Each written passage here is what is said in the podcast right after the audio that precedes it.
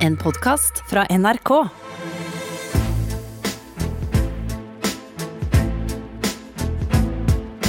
Trump mot verden med Gjermund Eriksen og Sean Henrik Matheson. Aller eh, først eh, skal vi høre hvordan presidenter pleide å gi fra seg makten. Hadde ikke det vært fint, Gjermund? Jeg syns vi hadde trengt det akkurat nå. I had a chance to talk to President-elect Trump last night, uh, about 3:30 in the morning, I think it was, to congratulate him on winning the election, and I had a chance to invite him to come to the White House tomorrow uh, to talk about making sure that there is a successful transition between our presidencies. Ah, det er sånn det skal gjøres! det er sånn det skal gjøres! Det, det hadde vært så deilig. Å, dæven, altså. Ok. Der er vi ganske langt unna måloppnåelse Ja, denne uka, syns jeg. Fader, vi er så langt uh, unna. Du Gjermund, uh, du er ikke her uh, sammen med meg på Marienlyst eh, NRK. Fortell. For å, for å holde oss i presidentklisjeer. Ja! Ikke at Obama sa noen klisjeer, men det er jo i hvert fall en klisjé når det er gjentatt mange nok ganger og man gir fra seg makten. Helt fram til nå. Ich bin ein Berliner. Oho, Jeg er i Berlin. Ja da! Nice! Nice! en suite. Er det sant? Ja, men det er litt fordi det er jo total lockdown i Berlin, så det er ingenting som er oppe. Så dette hotellet som har 300 rom, ja. der er det bare 15 som er tillatt. Og det er da for TV- og filmproduksjoner. Ja. fordi vi har lov til å komme hit og lage den serien jeg driver og være med og lager. Ja. Og da, fikk, eh, da får vi de større rommene. Åh, så deilig! Ja, altså uten tilleggskost. Ja, det er, eh, den delen er deilig. Åh, ja, for du må jo passe på uh, your day job uh, også. Du lager jo tross alt uh, TV-serier, Gjermund. Jeg har lyst til å dra en, en Mark Twain, ja, sånn helt i starten i dag. Ja. Amerikanske aviser, mens Twain var i London, meldte jo at han var død. Ja. Og da sendte han en av verdens mest kjente tekstmeldinger. Jeg tror det het noe annet på den tiden. Telegram. Telegram. Ryktet om min død er betydelig overdrevet. Ja, det er deilig.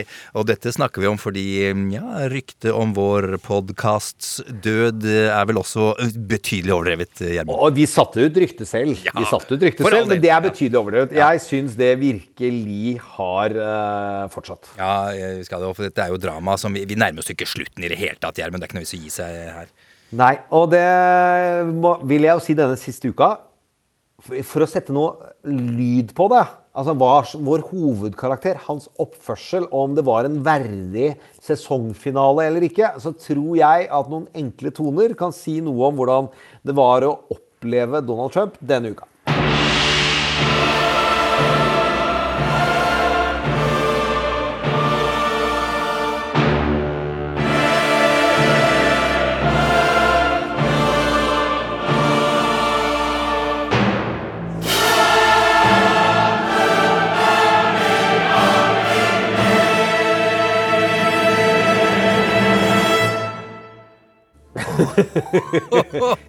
det, Joe Scarborough kalte det, den opplevelsen her for sjokkopera, og det syns jeg var et utrolig bra begrep. Det er kamp på alle fronter, og det er maksimalt hele veien. Det er som å være inne i den delen av Ringenes herre hvor Gandalf farer nedover med ballroggen. Altså, det slutter aldri. Eh, og så eh, tror ikke jeg denne ballroggen Donald Trump forsvinner med det første. Det er den når han blir dratt med i halen og går ned det stupet, ikke sant? Ja, og de kjemper i det dypeste dal og skal opp på det høyeste fjell og skal ikke spoile Ringenes herre. Er det da han sier? Er det da han sier? Er det da han sier Run, you fools! Yes!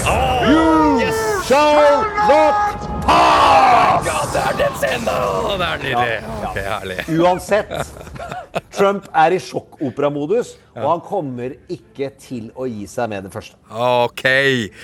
Og velkommen til Trump mot verden. Jeg heter Sean Henrik Matheson Gjermund Eriksen. Ja, han er i Berlin, som du skjønner. Du som hører på, det er alltid veldig hyggelig at du gjør. Her snakker vi om, amerikansk politikk, eh, veldig mye om eh, Donald Trump.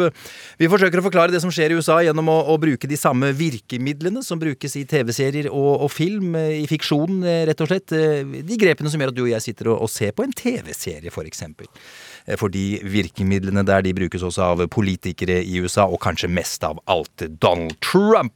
Det er fredag formiddag. Det er den 13. november. Det er 67 dager til Trump går av som eh, president, eventuelt blir kasta ut, eventuelt dratt ut etter det oransje håret sitt. Hva skal vi snakke om i dag, Gjermund?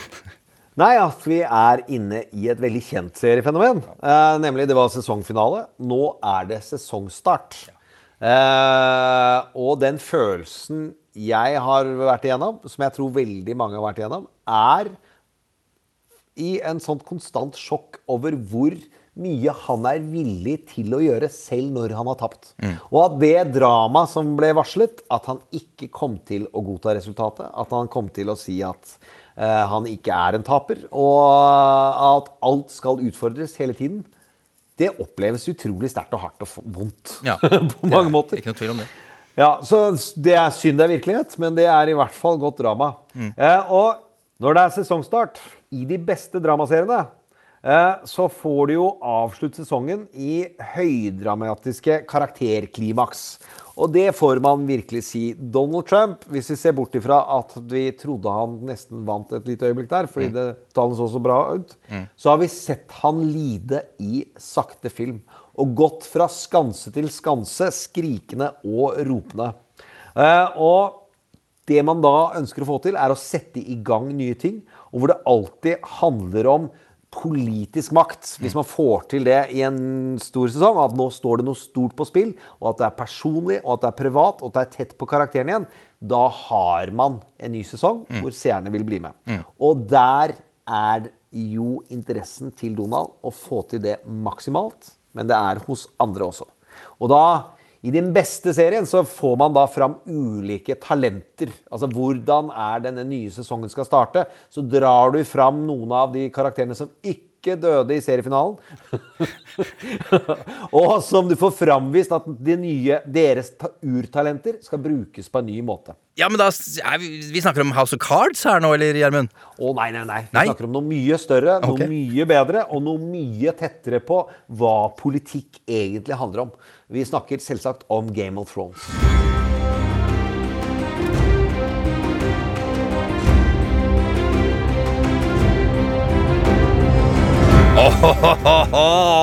En av dine favorittserier, Gjermund.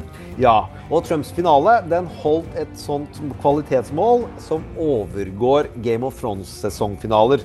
Og det er noe av de flinkeste i verden. Ja. hvor de klarer å engasjere et bredt globalt publikum. Maksimal konflikt på alle områder. Eh, og han dro raskt i gang nye linjer. Donald Trump, altså. Nå snakker vi ikke i, i serien. Ja, greit. Og det er noen grunner til at han gjør det. Han eh, starter rettssaker overalt.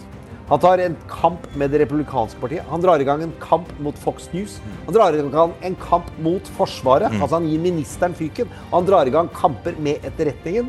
Og han prøver å presse i alle områder. Og ikke minst så ligger det en underliggende trussel om en borgerkrig inni det republikanske partiet og murrer, som han er bevisst på.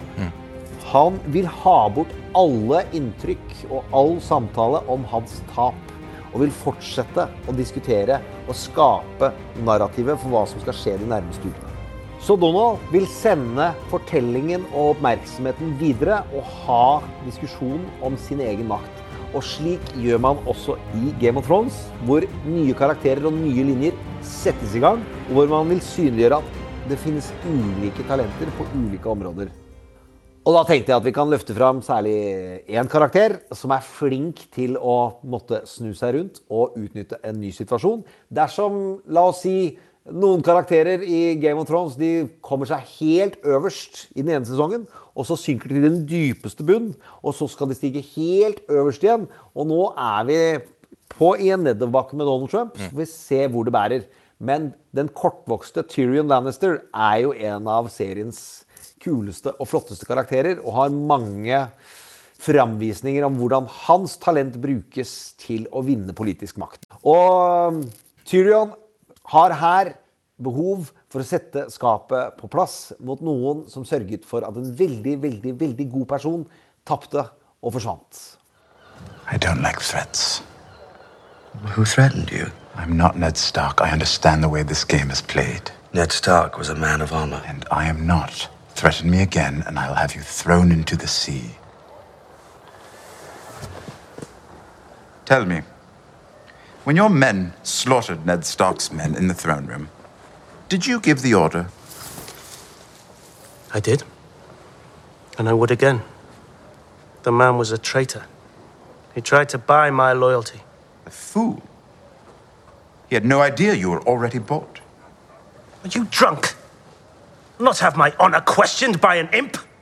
I'm not questioning your honor, Lord Janus. I'm denying its existence. You think I'll stand here and take this from you, dwarf? Dwarf, you should have stopped at imp. And yes, you will stand here and take it from me, unless you'd like to take it from my friend here. I intend to serve as Hand of the King until my father returns from the war. And seeing as you betrayed the last Hand of the King, well, I just wouldn't feel safe with you lurking about. Og vi har da flere nye karakterer som kommer inn i nye sammenhenger, og vi skal se deres talent brukes og utnyttes i dette dramaet. Vi har selvsagt Joe Biden og hans kamp for å komme seg inn i Det hvite hus Ja. og bruke makten til det han ønsker. Vi har uroligheter i Det demokratiske partiet mellom sentrum og venstresiden. Vi har kampen om å overta trumpismen i det republikanske partiet. Den borgerkrigen som Donald Trump ikke har lyst til å starte. At noen skal ta over den bevegelsen og den enorme basen som han har utvikla. Ja, han, vil ikke tape den, han vil ikke tape den kampen, mener du? Han ønsker ikke tape den kampen, Nei, men det er det jo noen andre som vil. Men Ja. de tør ikke komme ut med det ennå. Dette er Game of Thrones Ja, ja. i virkeligheten. Ja, ja, ja. Og så har vi Senatet og Mitch McConnell, som kan avgjøre om Biden får gjort noe som helst av størrelse og betydning i presidentperioden sin. For han kan blokkere det meste, og han kan ødelegge mye for at Kamala Harris kan vinne som presidentkandidat i 2024. Og enda viktigere, vår politiske drama, som det handla mest om i, de, i tre år nå, det kommer til å utvikle seg til en ny arena. Og den er ikke så hakkande UF-en den heller, altså.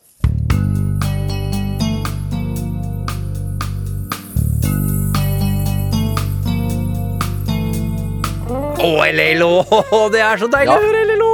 Det blir rettssalsdrama om Donald Trump sitt inderlige ønske om å ikke havne i fengsel og beholde eh, verdiene og imperiet sitt. Og familiemedlemmene sine også. Men det peker på et tredje arena som kommer til å utvikle seg. Og det er knytta til en ganske ukjent låt, men et veldig stort drama. Bare hør her.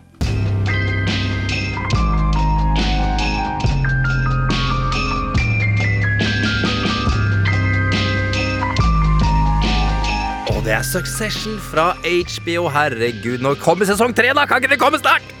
Ja, og Trump-imperiet ønsker jo å bli en succession-kamp. nemlig lage et medieimperie og bruke hotell- og merkevarerikdommen han nå har ansamla som president. Og der kommer det til å være et drama som ikke kommer til å gå over. Og dette er bare det som skjer før 20. januar. Og, og vi skal vel muligens eh, ikke gi oss helt etter den 20. januar, vi heller, eh, Gjermund. Overhodet ikke. Never gonna give you up, never gonna let you down,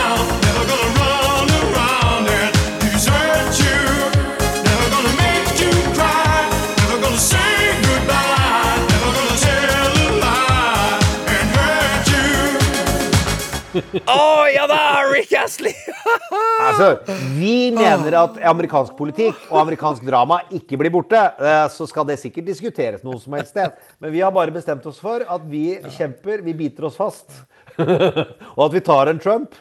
Vi har ikke tapt. Nei, vi har ikke tapt i det hele tatt. Nydelig. I like it eh, a lot. Ok, ting vi skal snakke om i dag. Ja, det er jo en ny sesong, da, eh, som vi akkurat har eh, meldt inn. Det skal vi snakke litt om. Vi skal også snakke om hva det er ja, Donald holder på med for tida. Ganske enkelt hva han driver med i alle dager, liksom. Men så kan det vel heller ikke komme som en stor overraskelse, det vi opplever heller. Det kommer vi til. Vi skal til Alexandria Ocasio-Cortez, AOC, den unge demokraten fra New York, eh, som for øvrig forsvarte sin plass i Representantenes hus ved dette valget her også. Hun har gått hardt ut mot The Lincoln Project. Hva? Burde hun ikke være glad? Er det brann i rosenes leir? Det er brann i rosenes leir. Brann i rosenes leir, rett og slett. Og Joe Biden, selvfølgelig. The president elect. Han skal vi også eh, innom. Eh, og vi har også et seiersintervju med en av våre guder. En mann jeg vet at du tilber på daglig basis, Gjermund. Veldig mange andre også, uten at de kanskje vet at de gjør det. En av forfatterne til eh, The West Wing, altså presidenten Eli Atti.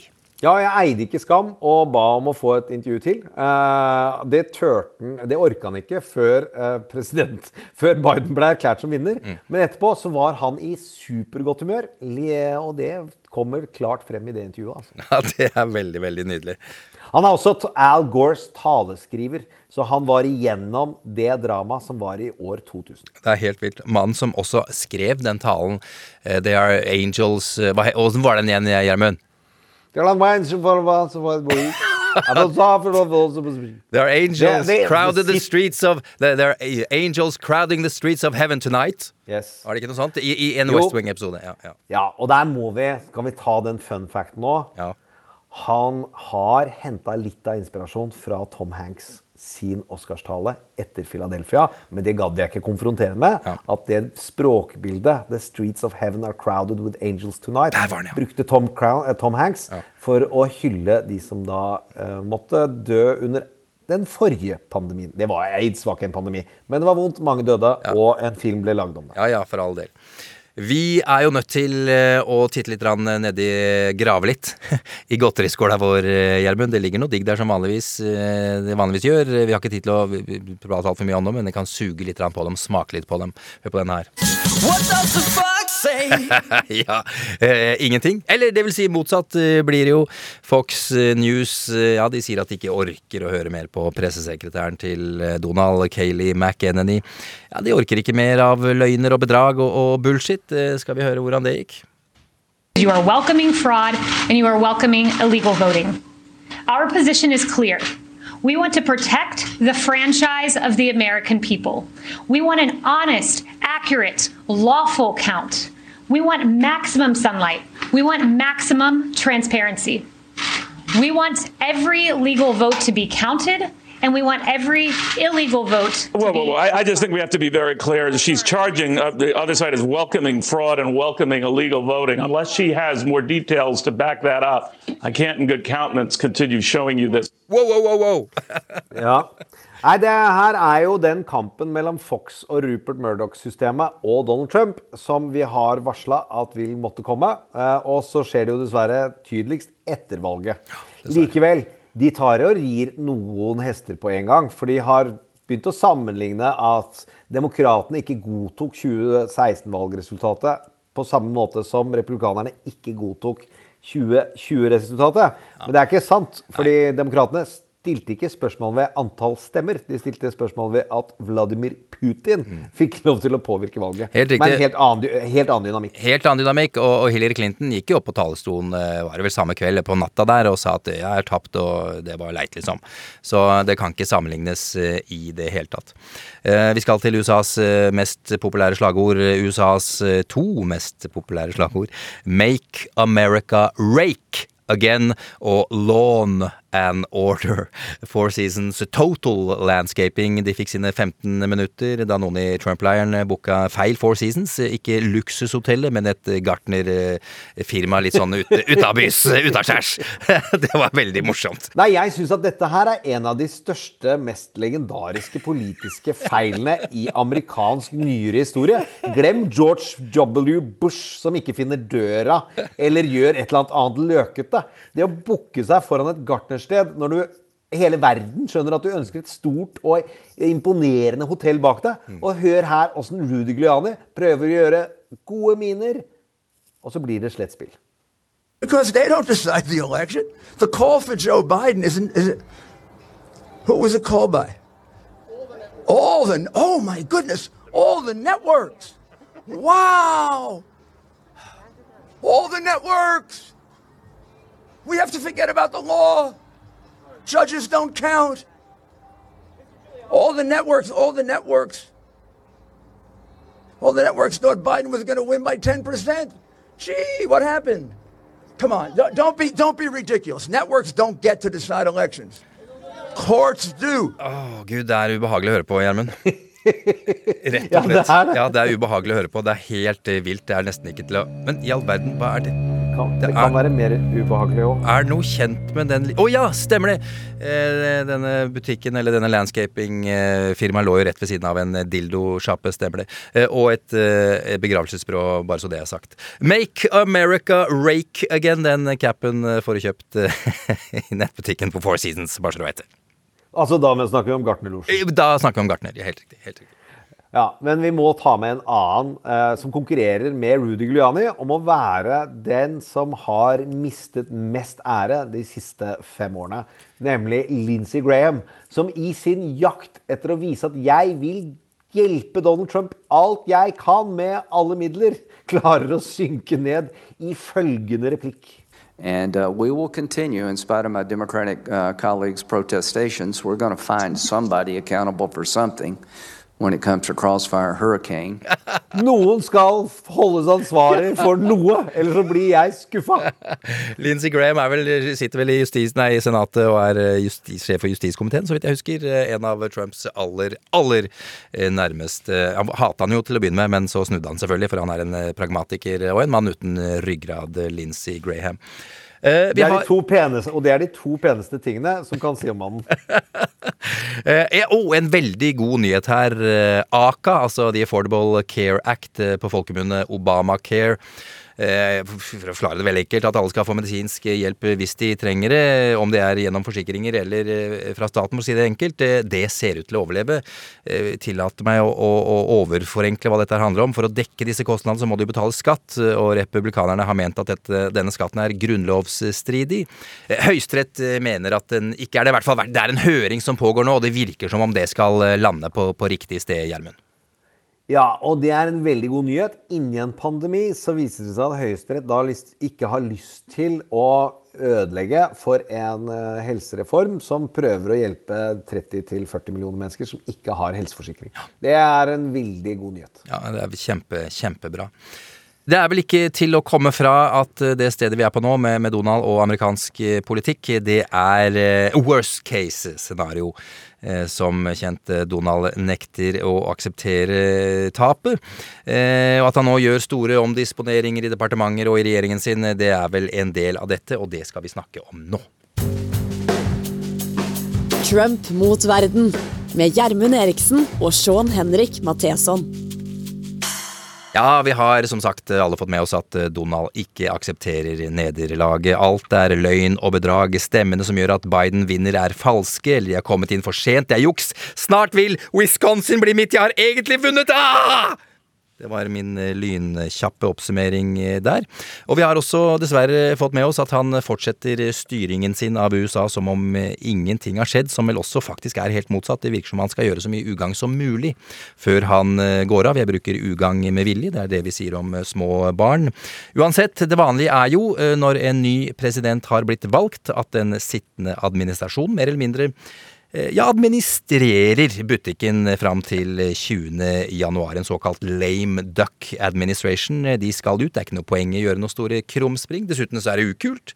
Hører ikke hjemme noe sted. Folk har valgt noe annet og vil ha noe annet. Da forholder man seg til det. Ikke Donald Trump, selvfølgelig. Og hadde vi trodd noe annet sånn eh, egentlig.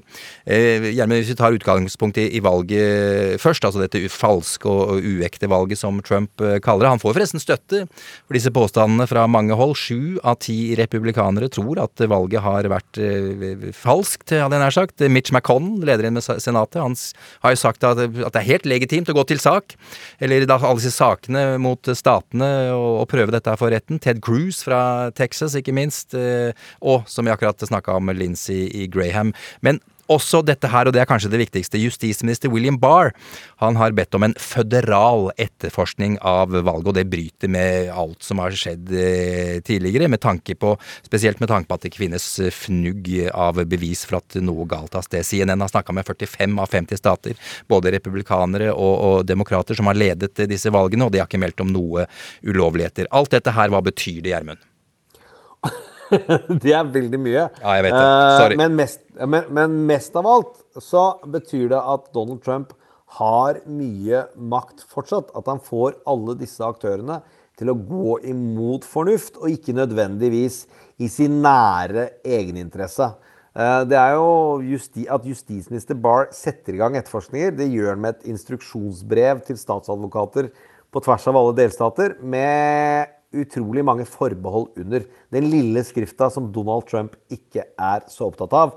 At dere har ikke lov dersom det er noen åpenbare forfalskninger eller åpenbare to, eh, innholdstomme anklager etc., etc., etc. Mm. Han tar noen forbehold med liten skrift, men det er en stor skam at han i det hele tatt satte i gang etterforskningen. Mm. Så til det republikanske basen at 70% tror at det er valgjuks, der er det litt med hvordan meningsmåler fungerer inn mot Donald Trumps base. For det er jo en annen undersøkelse som sier at 2 eh, Altså at det bare er 2% som ikke skjønner at Biden har vunnet valget. Ja, det er riktig. Så- det. det er bra du sier. Så, men man får den type meningsmålingslogikk der man må svare at man liker fotballaget sitt. Ja, Hvis du spør sønnen, sønnen min hvilke, hvilket lag som er best, uansett hvor Arsenal ligger på tabellen, Mm. så er Arsenal best. Eh, det betyr ikke at, det er, eh, at man ikke fòrer raseriet, og at man ønsker å ha emosjonell kontroll på den basen og skal holde deres humør, sinne og vrede og misnøye oppe Mm. fram mot senatsvalget i Georgia. Men det er en teknikk som både Trump og Mitch McConnell, senatslederen, har kjempeinteresse av, men som de kjemper over. Mest av alt Donald Trump fortsetter. Ja, han gjør det. Vi skal snakke om Senatet om noen få minutter. Men eh, til disse utskiftningene Donald holder på med, eller omdisponeringen av folk i viktige posisjoner, kall det hva du vil. Han har, han har skifta ut eh, forsvarsministeren sin, Mark Esper, han fikk sparken. Har blitt erstattet av eh, det som var lederen av USAs nasjonale antiterrorsenter, Christopher Miller heter han. Eh, Svoren Trump-fan, eh, vi- visstnok en av drivkreftene bak deler av eh, Donalds Iran-politikk. Hans stabssjef eh, blir også en, en nær Trump-venn. Cash Patel heter han. Det er ny undersjef eh, i, i, eh, i forsvar, eh, forsvarspolitikkområdet. Anthony Tata heter han. Kalte Barack Obama en terrorist. Eh, Det er, det er mange flere som har blitt bytta ut her. Eh, Dette stresser veldig mange, Gjermund. Hva slags eh, strategi er dette her? Ja, nå tror jeg først og fremst at det handler om at Donald ønsker å få oppmerksomheten over i en annen bane. Eh, og at de som De har kjent på den følelsen sjøl. Statskuppfølelsen. det store, skumle ordet om at vil han bruke militæret til å beholde makten eller noe sånt. Men han vet veldig godt at dette er følsomme greier, og at han tråkker på normer og verdier som peker på at Donald, du har så mye makt, kan du virkelig gjøre dette? Ja, det gjør jeg. Så han får vist seg fram. Ja, fordi Mark, halv- Mark, unnskyld at jeg avbryter, for Mark Esper, tidligere forsvarsminister, han nektet jo Donald å bruke militære styrker under demonstrasjonene i, i sommer. Ja, og har tatt avstand til Donald Trump på flere andre områder også. Så det var en varslet ting at han ønska å ta en hevn. Og en veldig sånn personlig markering. At du skal ikke få lov å sitte perioden ut. Eh, og Donald har nok ikke såpass grep om Forsvarsdepartementet at han kan få brukt de mot egen befolkning eller få dem til å beholde makten, men han får gjort oss alle nervøse for hva han kan finne på de neste 65 dagene. Kan han da finne på å bombe Iran, liksom? Jeg utelukker veldig lite når det gjelder Donald Trump. Uh. Men det er et ganske stor motstand mot at en sittende president skal få lov til å dra i gang en krig de siste 60 dagene. Håper jeg. Jeg håper jeg også. Men la oss høre her bare hva niesen hans sa som umiddelbar reaksjon etter uh, at Biden var erklært som vinner i intervju. Altså Trump, den ene i Trump-familien som ikke har uh, ønske om å ta over verden. So he can continue to do a lot of damage, even though uh, when and if Vice President Biden becomes President elect Biden, um, he still has the power of the presidency for the next 76 days. And we need to be prepared for uh, anything that he might um, have in mind because one thing that's really important to remember about Donald if he thinks he's going down, he's going to try to take the rest of us down with him. Ok. Brenne ned alt som er, ja, Oh. Ja, hvis han kan uh, Hvis han kan gjøre noe som helst for å beholde makt og sikre seg inntekter, så er han villig til å gjøre det. Og dette handler også om å begrense andre aktører i det republikanske parti sitt handlingsrom. Og så handler det om å begrense Joe Bidens muligheter ved å utnevne masse folk innover i departementene som skal bli vanskelig å gi fyken rett før han går av, og legge inn feller så Joe Biden ikke får så lett for å implementere den politikken han vil. Ja, dette blir jo kalt burrowing, eh, dette her, eh, Gjermund. Der, eh, der altså Ja, du graver eller borer deg inn i departementene, departementene, for å si det sånn. Og målet er da selvfølgelig å gjøre denne administrasjonen, den nye administrasjonen, jobben deres, så vanskelig som overhodet mulig. Men det viktigste ved denne strategien for Donald Trump, og som det republikanske partiet liker, er en gjentakelse av Donald Trumps hovedstrategi for å komme inn i politikken. Og Hvis vi husker hva det var, så var det også tvil om Barack Obama sitt statsborgerskap. Og anklage ham, ikke at det er en anklage, men det er litt vondt å være muslim og bli valgt som president, eh, og knytte han opp til en religion som eh, en god del amerikanske frykter. Det å delegitimere den autoriteten som en demokratisk president, med stor D altså, det demokratiske partiets president, er en kjempesuksess for Donald. Det gjorde at han fikk en plattform innad i det republikanske partiet. Og det funka også fint ved at man fikk samla basen om en løgn. Der sa også 70-80% at de trodde han var muslim. Selv om jeg betviler sterkt at det er egentlig det de tror, men de vet at det er det kampen fotballaget deres spiller. Så de heier på den kampen. Ja, la oss ødelegge massivt for motstanderen. Derfor kommer Trump til å fortsette å si at valget er stjålet. Joe Biden er en illegitim president. Se på meg, følg meg på mine rallies. Jeg skal holde show, og jeg skal lage ekte TV-show. Du, Apropos TV-show og plattform. eh, Det har jo gått rykter i flere år om at han vil skape sin egen medie... Ja, plattform, da. Hva, hva vet vi om det? Det er det Donald Trumps tilsynelatende ønsker å skape nå. Og utnytte den direktemarkedsføringsmaskinen som er utviklet i det republikanske partiet. Han har e-poster, telefonnumre og kontaktdata på utrolig mange i den basen, som han kan si hei. Liker du det du hører? Den følelsen jeg har skapt inni deg, den kan du betale for daglig til kun 6 dollar i uken. Så får du tilgang til meg all the time, everywhere. Vi får se hva som skjer.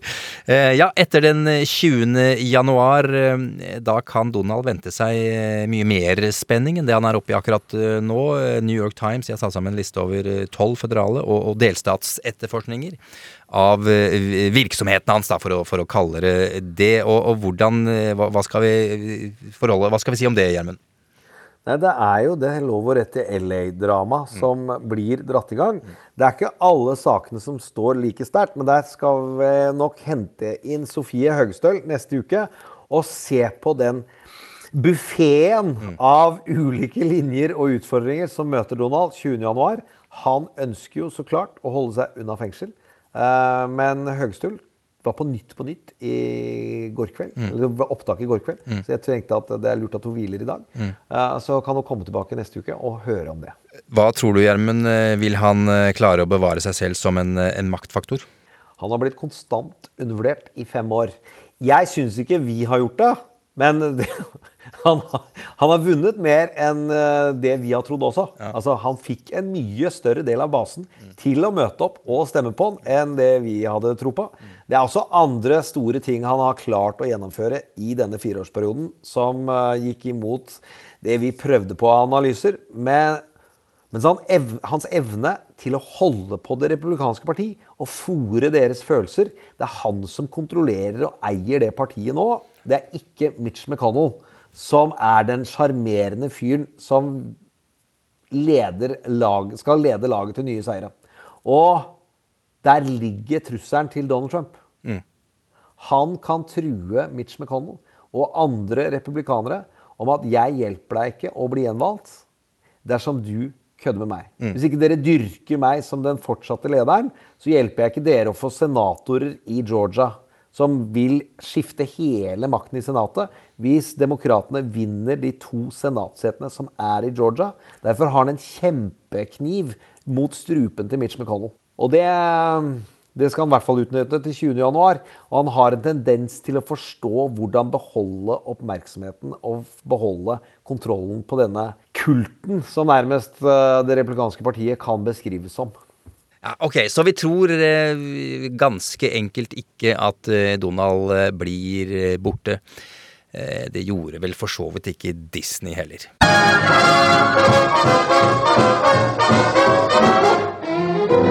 Who's got the sweetest disposition? One guess, guess who? Who never, never starts an argument? Who never shows a bit of temperament? Who's never wrong but always right? Who never dream of starting a fight? It's COVID. Who gets stuck with all the bad luck? No one. Trump mot verden. Å, Donald Duck. Jeg elsker Donald Duck. Det er ikke så morsomt å lese for guttungen, men eh, det er, eh, jeg husker det, og er stas. Jeg elsker Donald Duck. Altså, de Tegnefilmene, de tidlige, de i midten og de mot slutten, det er helt Jeg slutter aldri å holde med en, uansett hvor mye han taper. La oss eh, snakke om noe hyggelig. President-elect Joe Biden. Eh, Noen tall først. Foreløpig. Alle stemmer er ikke talt opp, eh, men Joe nærmer seg 78 millioner eh, med stormskritt. Eh, Trump ligger på rundt 72 millioner 600 000 sånn cirka. Så i løpet av natten så har jo Biden vunnet Arizona. De store mediehusene i USA har nå sett at der er det over, eh, og med det så har Joe fått 11 nye valgmenn. Da er han oppe i 290 til sammen. Trump har eh, 217, og det er da 270 du trenger for å, å ville, eh, vinne. Eh, Alle de forskjellige statene vil offisielt oppgi resultatene i løpet av de kommende eh, ukene. Eh, og Gjermund, i løpet av denne lille uka etter at, eh, etter at Joe ble utropt til eh, vinner, hva vil du si er det viktigste han har foretatt seg? Det er jo å ta denne landsfaderposisjonen. Altså at han går inn, er moden. Og så syns jeg vi må høre på et av hans første liksom, eh, taleøyeblikk eh, etter seieren. Og det han har blitt spurt om, er jo hva syns du om Donald Trumps sin oppførsel? Og dette er jo det du ikke vil at den kloke og gode faren din, hei pappa, jeg har i hvert fall det, skal si om deg.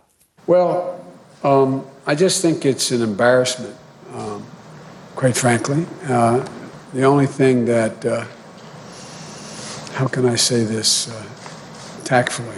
I, I think it will not help the president's legacy. ja, det er ganske tydelig. Han prøver å pakke litt inn, og hva skal jeg si, hvordan skal jeg si det sånn, men det er jo ikke noe tvil. Men det er en diskreditering og delegitimering han driver også, men av en old school-form. Altså hvordan de virkelig gode lærerne fikk u urolige elever til å holde kjeft, er jo gi at de selv føler og skjønner at de, dette er en oppførsel som rett og slett ikke kan bære. Dette er uverdig. Det er uh, uverdig. En uh, viktig ting som han selvfølgelig har tatt tak i med en gang, det er jo eh, covid-19. Uh, han har satt ned en koronainnsatsgruppe.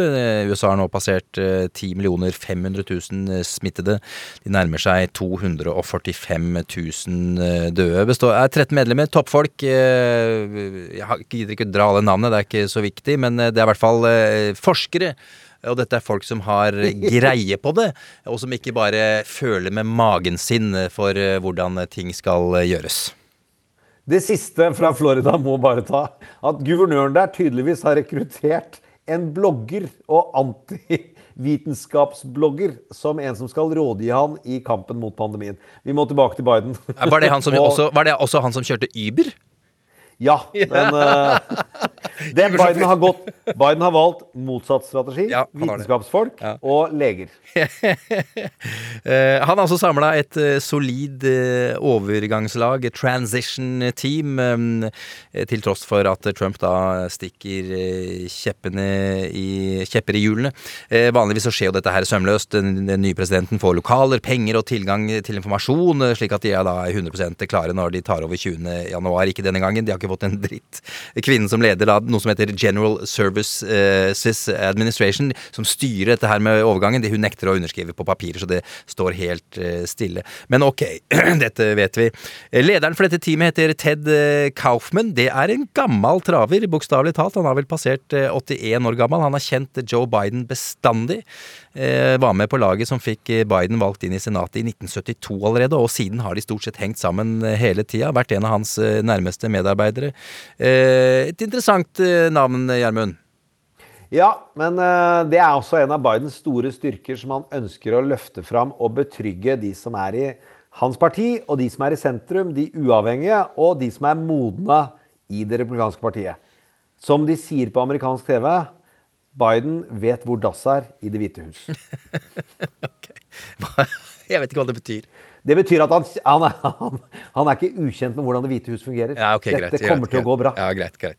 Eh, han har også, dette er kanskje det viktigste, ja vel, noe av det han har gjort eh, så langt. Han har eh, valgt eh, stabssjef, også en, eh, en gammel eh, traver og en gammel kjenning av Joe Biden, var hans stabssjef der han var visepresident.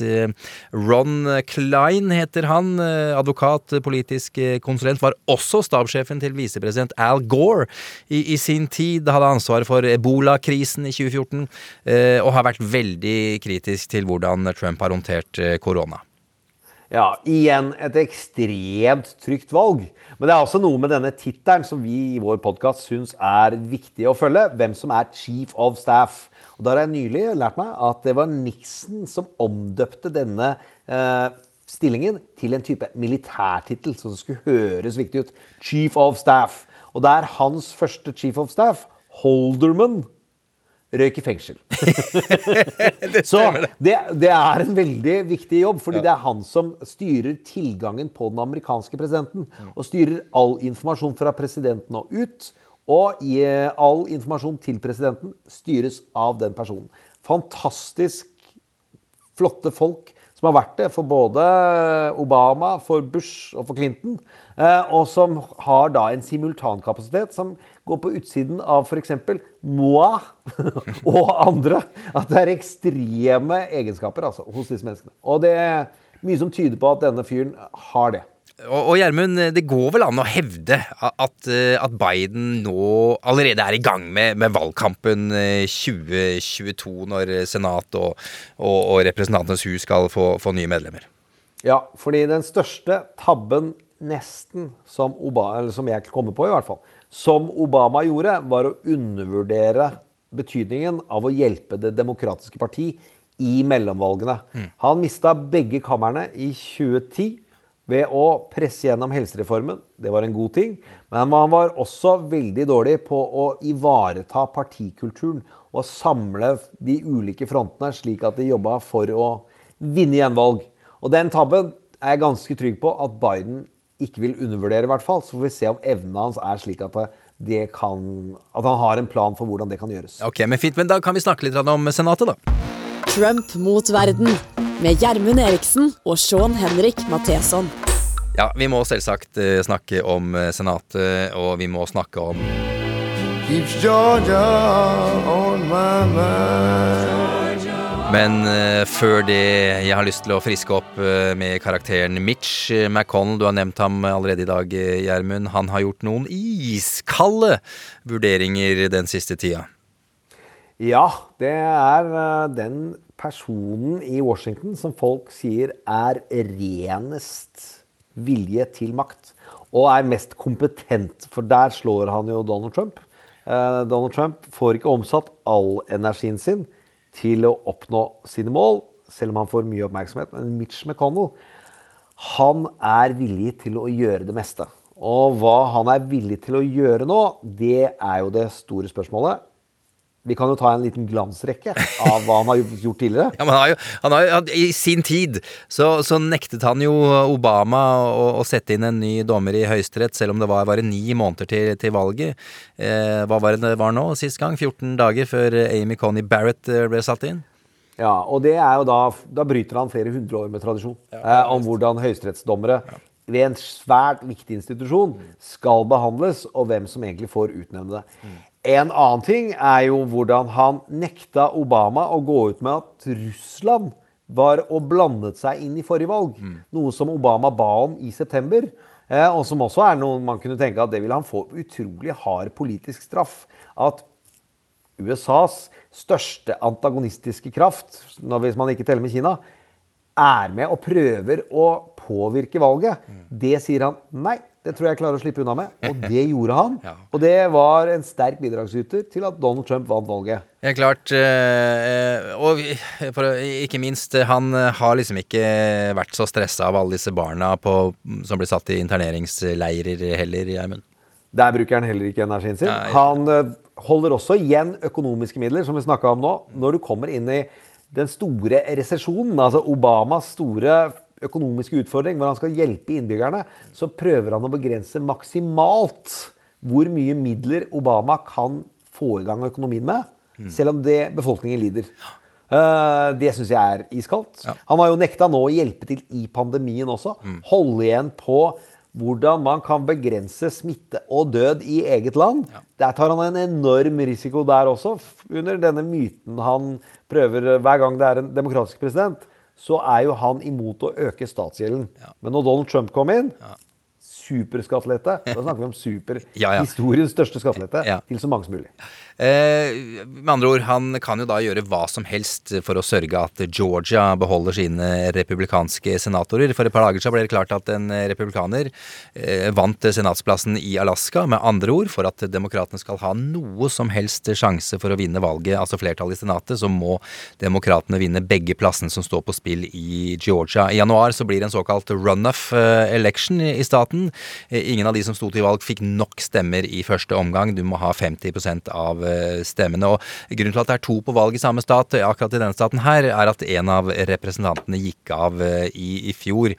Eh, Og vi har jo vært borti en av disse kampene før, Gjermund. Vi har spilt av et klipp eh, av en av våre nye helter, må vi si. Demokraten John Ossoff, som ga sin eh, motstander David Perdue verbal grisehjuling under en eh, debatt de hadde. Perdue, forresten, nekta å stille til flere debatter etter det som skjedde der. Eh, Så hvilke forventninger har vi da til dette valget i, i januar? At det blir maksimalt trøkk fra disse to ulike kreftene, der Trump var spydspissen og eide hele Det republikanske parti, og Mitch har stått bak Donald Trump i de fire årene som har gått nå, så vil dette bli nærmest som to drager som skal kjempe om hvem som skal ha størst mulig ære dersom det vinnes i Georgia. Noe som eh, med hånda på hjertet, det må sies at det er stor sjanse for at det er republikanerne som vinner. Trump vil bruke det for å få en seier, og bruke det igjen for å få oppmerksomheten om at han fortsatt eier Det republikanske parti. Og Mitch vil enten synes det er greit, at Trump får mye ære og oppmerksomhet rundt det, eller så vil han prøve å få i gang andre 2024-kandidater så fort som mulig, fordi Trump rett og slett ikke er så god å samarbeide med. Ja, det kan hende. Og som du sier, det er vel lite sannsynlig at, at demokratene vinner her. Eh, John Ossoff lå vel omtrent 100 000 stemmer bak eh, David Perdue ved altså sist valg for et par uker siden, eller en uke siden, når det var. Eh, 3. november. Uansett, denne kampen i Senatet, om Senatet, og hvordan Mitch McConnell skal bruke sin makt inn mot det republikanske partiet, og enda verre, inn mot Joe Bidens administrasjon. Vil han prøve å blokkere alt, eller vil han vinne noe på å samarbeide i 2022? Det er et stort og, stort og spennende drama vi må snakke mer om neste uke. For der er det flere saker som dukker opp. Ja, det gleder jeg meg til allerede. Men du Gjermund, er det brann i rosenes leir? Alltid brann i rosenes leir, tror jeg. Vet ikke. Er det Bergen vi skal til? Nei, vi skal ikke dit. Vi skal til et annet sted.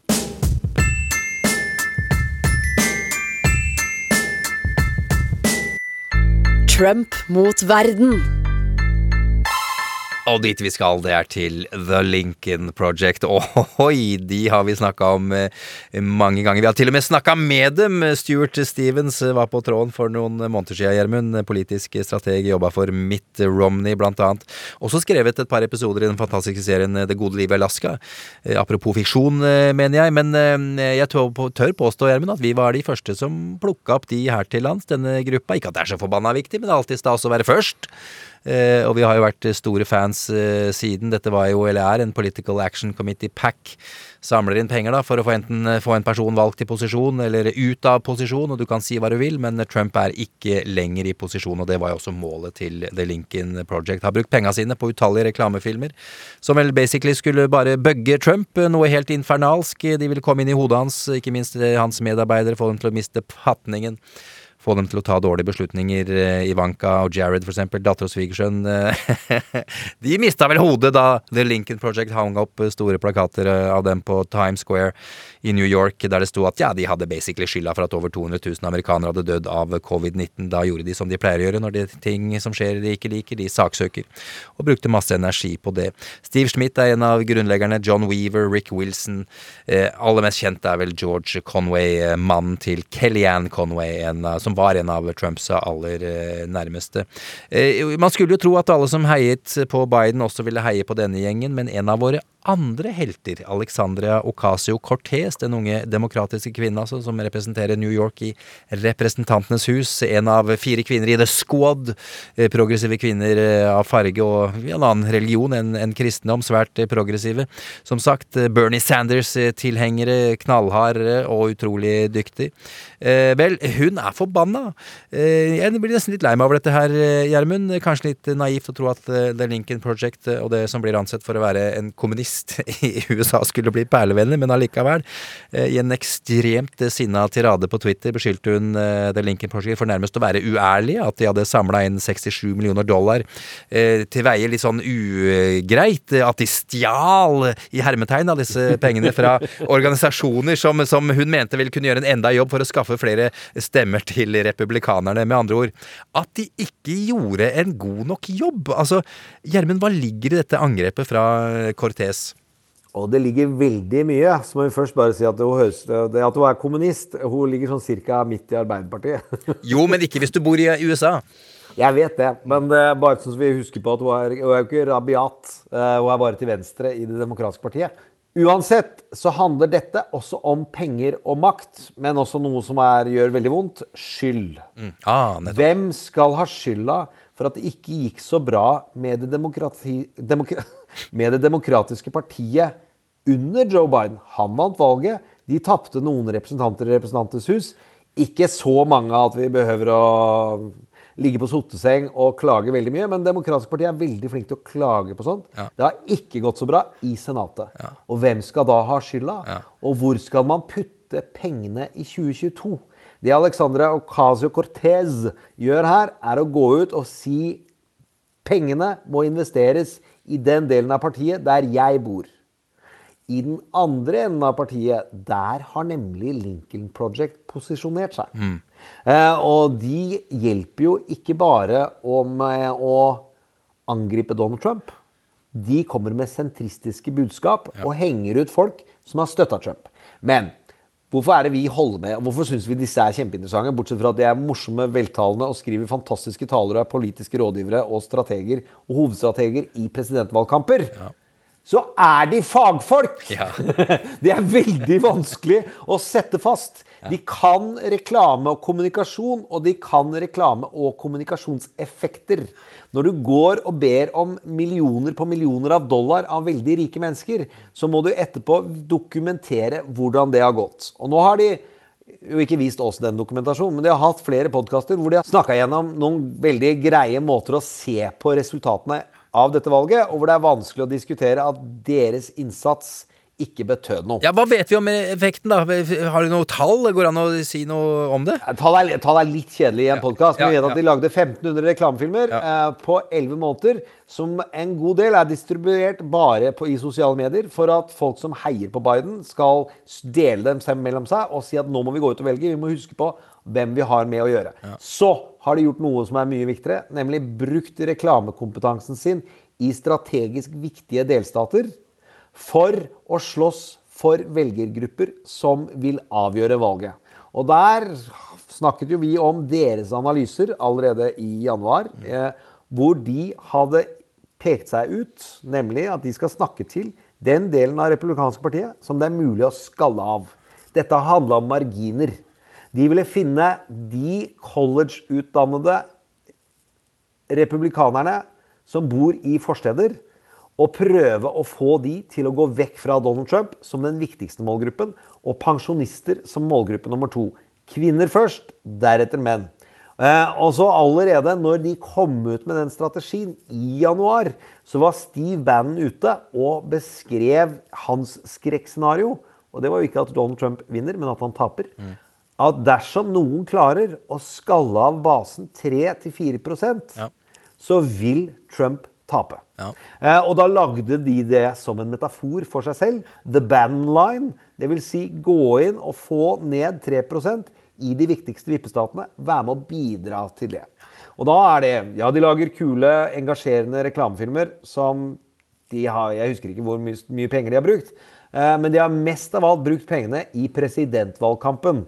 Eh, og brukt det i strategiske budskap inn mot gamle, mot folk, eh, mot kvinner. De har hatt reklamefilmer som handler om hvordan det er å være mor, hvordan vi skal oppføre oss for døtre, hvordan vi skal være med barn. Veldig emosjonelt engasjerende. Og så har de gått på menn om hvordan det skal være leder, hvordan man skal behandle folk på en arbeidsplass, hvordan man ideelt sett bør være som far. Veldig dyktige greier. Og så har de utrolig mye velgerdata og gjør ting som ikke vi ser.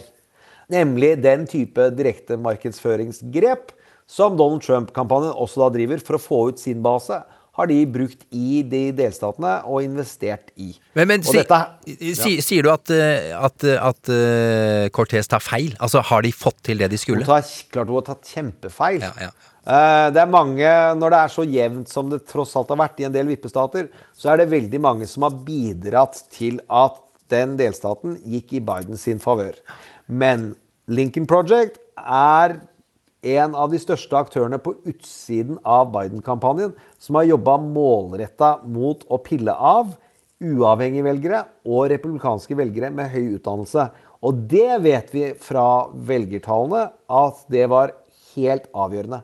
Det er sentrum som har reddet Joe Biden i antall mennesker som har forlatt Donald Trump og Det republikanske parti og gått til Joe Biden.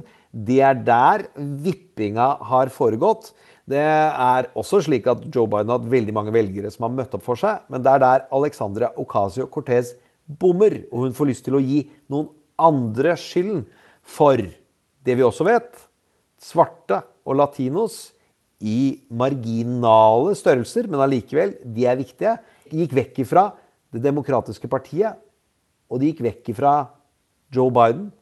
Men enda verre, de gikk vekk ifra de demokratiske kandidatene i underskogen. Og det er en jobb det hadde vært helt spinnvilt om Lincoln Project skulle prøve på. At du skal ha eks-republikanske strateger som skulle komme om- og blacksplaine eh, hvordan svarte skal oppføre seg. Blacks, hadde- Blacksplaine? ja, Det er et uttrykk som jeg tror vi har fra Daily Show. Det er det samme som bitchplaining. Det er nedlatende, fortelle svarte, hvite, eks-republikanske superstrateger fulle av penger og levd uh, gode liv, skal forklare fattige svarte velgere at du, du har ikke tenkt gjennom helt riktig. Jobben til å mobilisere svarte og latino og eh, arbeiderklassen som har fått det forferdelig i de siste fire årene, og egentlig ikke har hatt det bra siden- siden 70-tallet, det er Det demokratiske partiet. Det er Alexandra Ocasio-Cortez sin fraksjon som bør ha som jobb. Okay. Og så helt til slutt Det der sosialismestempelet som Donald Trump har brukt, det har fungert. Jeg syns ikke AOC har ødelagt for Joe Biden gjennom sin oppførsel de siste fire-fem månedene. Men det er klart, det er en del utspill som hun og The Squad har kommet med, og som ble brukt inn mot den republikanske basen, som helt klart har mobilisert frykten for kommunisme. Selv om det er uberettiget, så har det fungert. Eh, så det er blame game, eh, og det er drama. Og begge disse aktørene vil fortsette. Vi gleder oss. Eh, ja, for å oppsummere. Eh, AOC vil ha spenna til, til The Lincoln Project og gjøre det sjæl. It's a human thing. Vi vil alle ha penger. Det er ikke sant, faktisk. Det er noen som vil bare ha kjærlighet og er gode mennesker. Jeg vil bare ha penger. Store deler av min familie. Store deler av min familie. Eh, Gjermund, eh, takk skal du ha. Da har vi eh, litt mer koll enn det vi hadde for bare en times tid siden. Eh, nærmer seg slutten nok en gang for nok en podkast, men vi er da tilbake neste uke! Vi gir oss jo ikke! Selv om du som hører på kanskje har vært litt bekymra for det. Vi er tilbake altså om ei uke med, med en ny podkast. Og finn oss på Facebook, for der er det mange av våre lyttere som deler morsomme og interessante historier eh, fra siste uke som var. Vi har noen konkurranser vi skal fortsette med å rydde opp i, men det er vanskelig fra Berlin. Det skal deles ut disse berømmelige koppene. Og så må man huske på at det er noe med denne karakteren Donald Trump. Det er avhengighetsdannende. Jeg veit at vi er lei. Jeg veit at vi eh, tror at vi ønsker at han vil gå bort. Men jeg tror vi må forholde oss, eh, oss til han som en størrelse som blir her en stund til. Trump mot verden med Gjermund Eriksen og Sean Henrik Matheson. Hello? Hello, congratulations. How do you feel about this victory? Thank you. You know, I feel incredible. It, it, it's like a fever breaking. You know, I just, um, eh, to hear Joe Biden uh, talk about unifying the country and reaching out to, you know, the whole, even people who didn't vote for him, it's, it sounds like what a president used to sound like. Um, it's, it's really incredible. I mean, I, I think, um, my level of exhaustion and cumulative tension from the last four years, I just feel like I'm still exhaling. But let's talk about the last four days. How would you describe the roller coaster the last four days? And could you, uh, as a writer, how would you tweak the suspension if you could tweak reality even more? You know, um, look, I mean, the thing about the last four days is that we've been told for weeks now um, that about the red mirage, about the fact that, you know, look, what happened in Pennsylvania was tons of people voted eagerly early by mail and those ballots sat in boxes because the legislature in pennsylvania said none of them would be counted until after election day. Mm. So we knew that all of our voters would be voting or many of them you know by mail and that more republican voters would be voting on election day and those votes would be counted first. But even though it's like being told you're going to go through a round of chemotherapy it's going to be tough it's going to be painful you're going to get nauseous but then you're going to be better. Hmm. And we knew it was coming, but election night was really hard for me hmm. because to see him up in the polls, to you know, in the in the not in the vote count, not the polls, to see you know Donald Trump having that election night celebration at the White House that, by the way, we now believe may have been a super spreader event. Hmm. Seven people from that White House election night party are have now tested positive for the coronavirus, including the White House chief of staff, Mark Yeah. Meadows um, you know, maskless, 400 people milling around, which is yet another reason it's so great to turn this page. But I would say, in storytelling terms, you know, we knew a rough ride was coming and we kind of endured it anyway. It, feels almost like the revenant, you know, it was just that Yeah. kind of a slog. And, you know, the last few days were hard. I was very busy with a lot of work on billions and on, on some other things too. And you know, focusing was really hard. The drumbeat of the, the two more, 2,000 votes in Nevada and another thousand here. How would you describe? You were a part of the Gore campaign, and we did an interview before about the fight for That's the right. narrative and how you got off on the wrong footing when you were on. Uh, you had to Yeah. prove that, prove the your case and not the other That's way around. exactly right. What do you think our Biden campaign handled that? They went out before Donald Trump and just stating that we believe we can win. How do you think they did it? Yeah, look, I mean, Jerry, I think they handled it beautifully. There was a there was a bit of a, a difference in that they knew for weeks before election day that they were going to be in this circumstance. You know, in mm. 2000, it was brand new territory. I mean, when we went through the recount in 2000, the idea that you could win the electoral college but lose the popular vote was like something from the 1800s. you know, and now it's become commonplace. You know that seven out of the last eight Republicans, um, you know, in, in presidential elections have lost the popular vote. Uh, so you know the, the, the changing demographics of the two parties, I think, are leading to that being a commonplace thing. It wasn't in 2000, but my point is, Biden's campaign briefed um, the press extensively Mm. uh, that this was coming. Every news organization knew it. Every new, new, news organization was on guard for Donald Trump's falsehoods. When he spoke to the nation on Thursday night um, and basically claimed that he had won easily and the election had been stolen from him, most of the American TV networks just cut away because they knew it was false. You know, his tweets were all censored by Twitter because they were lies. And so, so I think the country was ready. The country was prepared, and the Biden campaign, I think, handled it really well. How dark was that moment, the Thursday night speech that he did uh, in American history, do you think? you know, I have to be completely honest. I was sitting in my home office, uh, about to jump uh, into a meeting on Zoom, uh, and I knew it was about to happen, and I didn't watch it. And the reason I didn't watch it is, I mean, I read a bunch of it and read all the coverage later.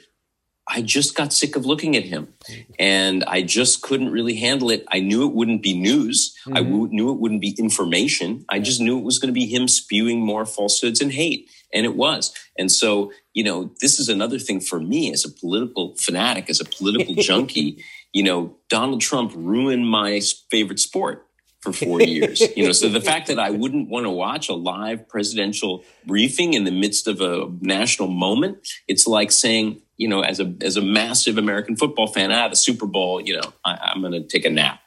Um, so, you know, I think Biden will give me that back.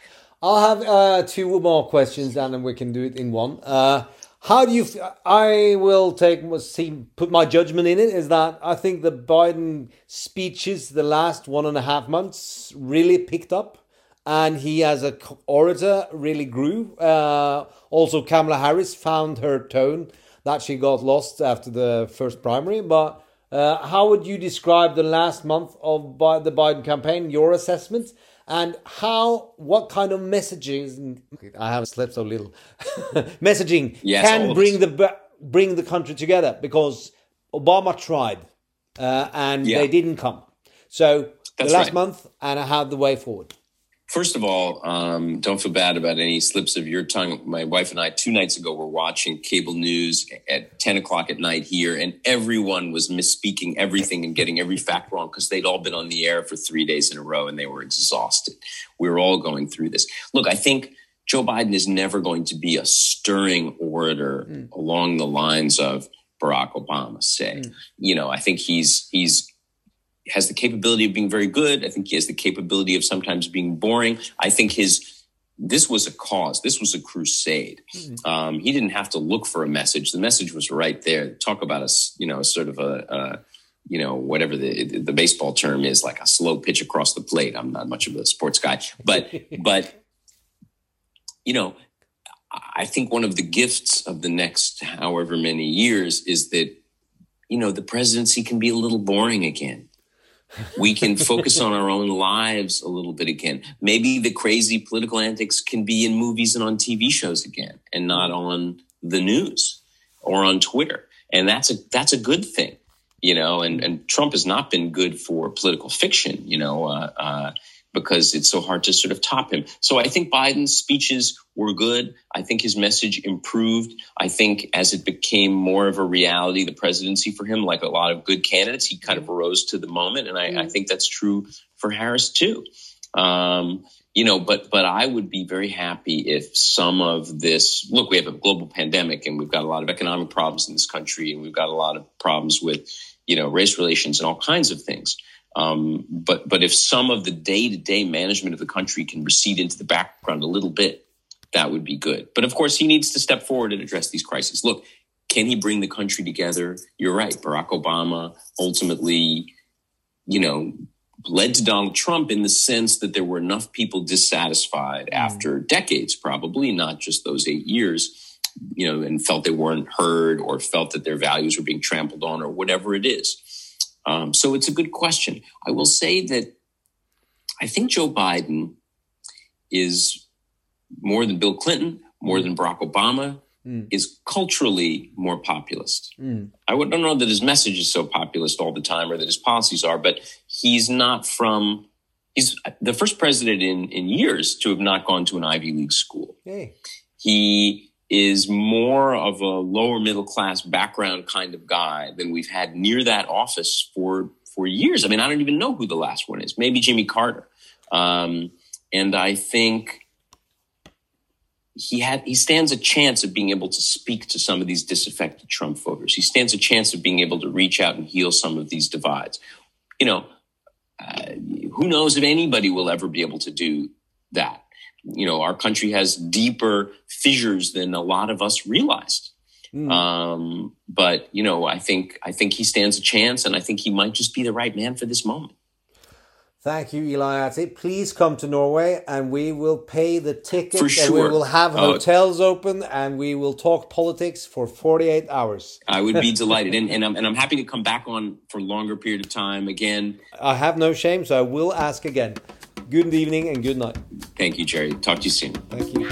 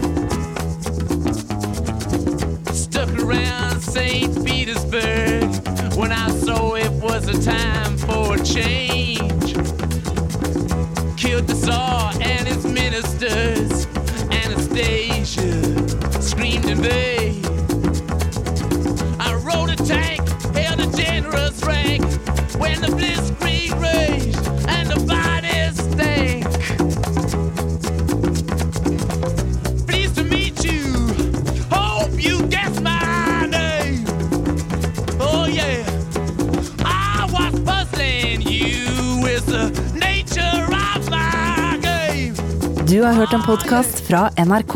Hør flere podkaster og din NRK-kanal i appen NRK Radio.